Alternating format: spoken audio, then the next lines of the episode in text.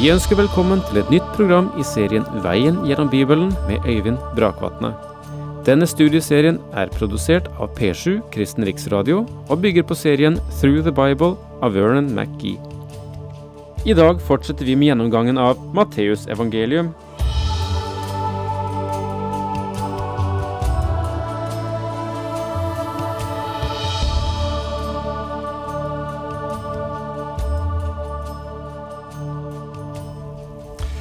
Ja, vi er fremdeles i det tolvte kapittel i Matteus evangeliet, men nå helt mot slutten. Og vi tok for oss denne drastiske lignelsen som Jesus fortalte, om eh, en uren ånd som farer ut av et menneske. Den flakker omkring på leting etter et hvilested, den finner ingenting, og så vender den tilbake igjen til huset som den forlot. Og eh, så blir denne vanskeligheten større enn den et menneske hadde før, fordi at denne ånd tar med seg andre ånder. Og der er en dristighet over Jesu forkynnelse som jeg forsøkte å få frem sist. Og det jeg understreket at eh, reformasjon betyr død og destruksjon, og regenerasjon, gjenfødelse, betyr liv og frihet. Og det er sannelig det vi trenger. Men siste delen av dette kapitlet, la meg si bare noen få ting om det. Det er enda mer overraskende, og det er knyttet til det som er sagt umiddelbart før i kapitlet. Der er et fellesskap som er større enn mor og sønn, og til og med blodsbrødre. Der er et fellesskap som er etablert med Gud ved Jesus Kristus ved tro på ham. Og Nå leser vi fra vers 46 i Matteusevangeliets tolvte kapittel. Mens han ennå talte til mengden, kom hans mor og hans brødre. De sto utenfor og ville gjerne snakke med ham. Da var det en som sa til ham, Din mor og dine brødre står utenfor og vil gjerne snakke med deg. Men Jesus svarte ham, Hvem er min mor, og hvem er mine brødre? Og han pekte med hånden på disiplene og sa, Der er min mor og mine brødre.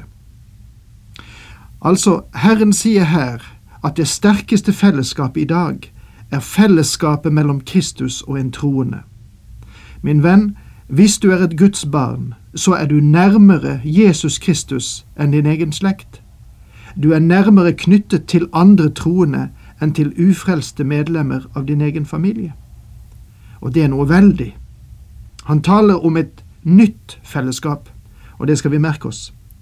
For den som gjør min himmelske Fars vilje, han er min bror og søster og mor. Og hva er Faderens vilje? At du hører den Herre Jesus Kristus, at du aksepterer ham og stoler på ham. Og jeg tror at nå må vi forlate det tolvte kapitlet i Matteusevangeliet her.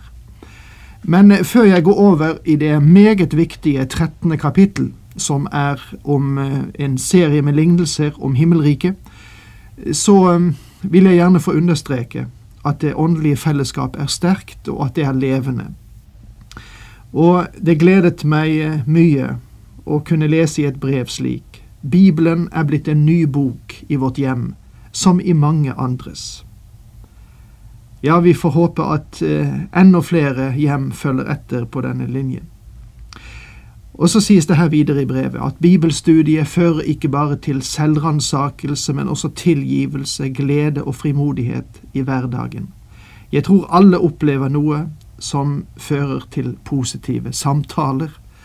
Og det var et godt ord også for meg. Tenk at det nå samtales om Guds ord, og det er veldig viktig at vi som troende gjør det. Og denne samtalen gjennom dette brevet også føres på arbeidsplassen. Vi satt, og så er det gitt en bestemt dag, satt vi en flokk sammen på arbeidsplassen og lyttet til dette programmet. Ja, det er flott. Vi kan kombinere matpakken med å høre litt om Guds ord, eller jeg vet ikke hvordan det blir gjort, men eh, vi gleder oss over dette brevet, og håper det er sant for mange at eh, Bibelen blir ny, og det betyr noen ting for hjemmene. Det betyr noe for arbeidskamerater og arbeidsplass, og kanskje arbeidsmiljø at uh, du og jeg blir interessert i Guds levende ord. Og så går vi over til uh, det trettende kapittel hos Matteus. Og temaet for dette kapitlet er lignelsene om himlenes rike. De viser riket etter at Israel har fornektet det, inntil kongen vender tilbake for å opprette himlenes rike på jorden. Og det må vi merke oss. Jeg tror at det er en vesentlig side ved disse lignelsene. Altså, om himlenes rike er disse lignelsene. Om riket etter at Israel har fornektet det, inntil kongen vender tilbake for å opprette himlenes rike på jorden. Som vi har sagt, er Matteusevangeliet å betrakte som nøkkelevangeliet til Bibelen. Det er en åpen dør til både Det gamle og Det nye testamentet. Hvis det er sant, så er kapittel 13 nøkkelen til Matteusevangeliet. Dette gjør kapittel 13 svært viktig. Det vil gi oss en bedre forståelse av hva himlenes rike er, enn noe annet som er gjengitt i boken. Dette er en av de tre store talene i Matteusevangeliet. Og jeg minner igjen om at den første er bergprekenen, og den ser tilbake til fortiden. Den er landets lov. Den andre er lignelsen om riket, åpenbarer himmelrikets tilstand i verden under den nåværende tidsalder. Og den tredje talen er talen på Oljeberget, og den ser fremover til kongens gjenkomst og tingene utenfor denne tidsalder. La meg minne dere om at Herren fulgte døperen Johannes i hans forkynnelse. Omvend dere, for himlenes rike er nær. Og Herren ga oss rikets grunnlov, bergprekenen. Deretter viste han at han hadde makt, og deretter sendte han sine disipler ut med budskapet. Budskapet ble møtt med avvising. Israel vraket sin konge. Derfor uttalte Herren dom over de byene der hans mektige gjerninger var blitt utført, og mot de religiøse lederne. Da de ba ham om et tegn, sa han at ikke noe tegn ville bli gitt dem uten Jonas' tegn. Jonas var et oppstandelsestegn, og de skulle få det fullbyrdet i Kristus kort tid etter.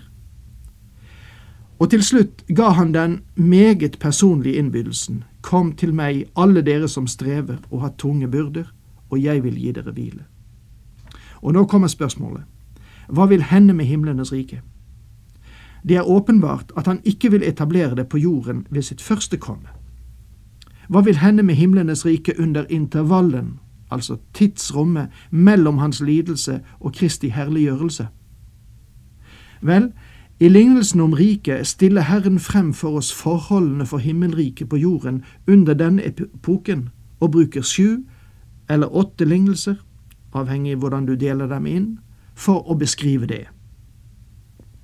Disse lignelsene blir også kalt mysterielignelsene, fordi i Guds ord er et mysterium noe skjult eller hemmelig frem til en viss tid, og så ble det åpenbart. Menigheten er et mysterium, ifølge denne definisjonen altså, siden den ikke var et spørsmål om åpenbaring i Det gamle testamentet. Den ble åpenbart etter Kristi død og oppstandelse. Faktisk kunne det ikke blitt noen menighet før Kristus døde og stod opp igjen. For Efesene 5,25 sier at Kristus elsket kirken, den gamle oversettelsen var menigheten, og ga seg selv for den. Det er viktig å legge merke til at himlenes rike ikke er identisk med kirken, eller den synlige menighet synonym med Guds rike. Disse lignelsene viser hvilken retning riket har etter at det var kommet som et tilbud og avvist av Israel. De åpenbarer hva som kommer til å finne sted mellom den tiden Kristus ble fornektet, og den tiden da han vender tilbake til jorden som konge. Med disse lignelser dekker Herren hele perioden mellom at han blir fornektet av Israel og han vender tilbake til jorden for å opprette sitt rike. Og jeg anser at disse lignelsene er meget viktige. Idet vi begynner dette kapitlet, så legg merke til at selv Jesu handlinger er interessante. Hør hva det står. Samme dag gikk Jesus ut av huset og satte seg nede ved sjøen. Det samlet seg så mye folk om ham at han måtte gå i en båt og sitte i den mens mengden sto inne på stranden. Eh, kanskje det er noe søkt av meg, men jeg synes å lese at det er litt symbolikk her. Og jeg vil at du skal legge merke til selve symbolikken. Samme dag gikk Jesus ut av huset, og det taler om Israels hus, og satte seg nede ved sjøen. Sjøen representerer hedningenasjonene, og det er et symbol som anvendes også andre steder i Skriften, så det er ikke eventuelt bare her. Herren vender seg fra Israels folk og vender seg til verden. Han taler nå om hva som vil finne sted i verden til han vender tilbake som konge. Denne handlingen angir en veldig endring som har funnet sted i hans metode. Store folkemengder samlet seg for å høre ham, og han dro ut i en båt og begynte å tale til dem fra den der de sto på stranden. Selv om Herren gir oss flere lignelser i dette kapitlet, så tolker han bare to av dem. Lignelsen om såmannen og lignelsen om ugresset i åkeren. Hans tolkning er en forklaring til symbolbruken i de andre lignelsene også, og det synes jeg du skal sette strek under. For eksempel representerer fuglene Satan i lignelsen om såmannen. Når han da anvender fuglene som symbol i andre lignelser, så kan vi være ganske sikre på at de ikke representerer noe godt. Vi må være konsekvente og følge Vår Herres fortolkning. Lignelsen med såmannen er den første av mysterielignelsene og kan anses som selve fundamentet for de øvrige lignelsene i kapitlet. Og han talte lenge til dem i lignelser og sa, En mann gikk ut for å så. Eh, jeg vil bare foregripe begivenhetenes gang litt og gi dere Herrens tolkning av såmannen. Han forteller oss nemlig senere at såmannen er menneskesønnen, og at såkornet representerer Guds ord. Og da han sådde, falt noe ved veien, og fuglene kom og tok det. Noe falt på steingrunn hvor det var lite jord, og det skjøt snart opp fordi jordlaget var tynt. Men da solen steg, ble det avsvidd og visnet fordi det ikke hadde fått slå rot. Noe falt blant tornebusker, og tornebuskene vokste opp og kvalte det men noe falt i god jord og bar frukt, hundrefold, sekstifold, trettifold. Og så korn var et velkjent syn i Palestina.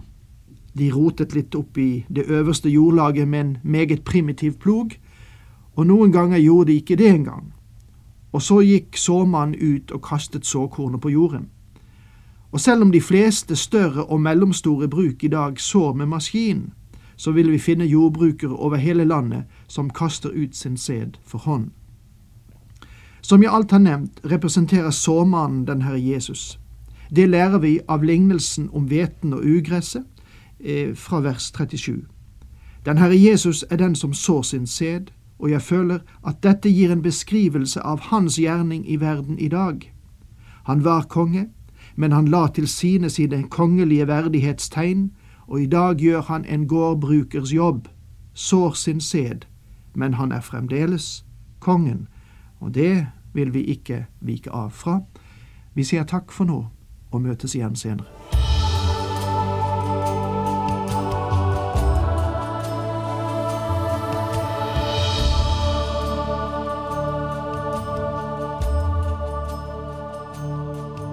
Du hørte Øyvind Brakvatne i studieserien Veien gjennom Bibelen. Serien bygger på et manus av Vern McGee. Har du spørsmål eller kommentarer til programmet, kan du sende en e-post til vgb krøllalfa p7.no. Takk for i dag, og på gjenhør.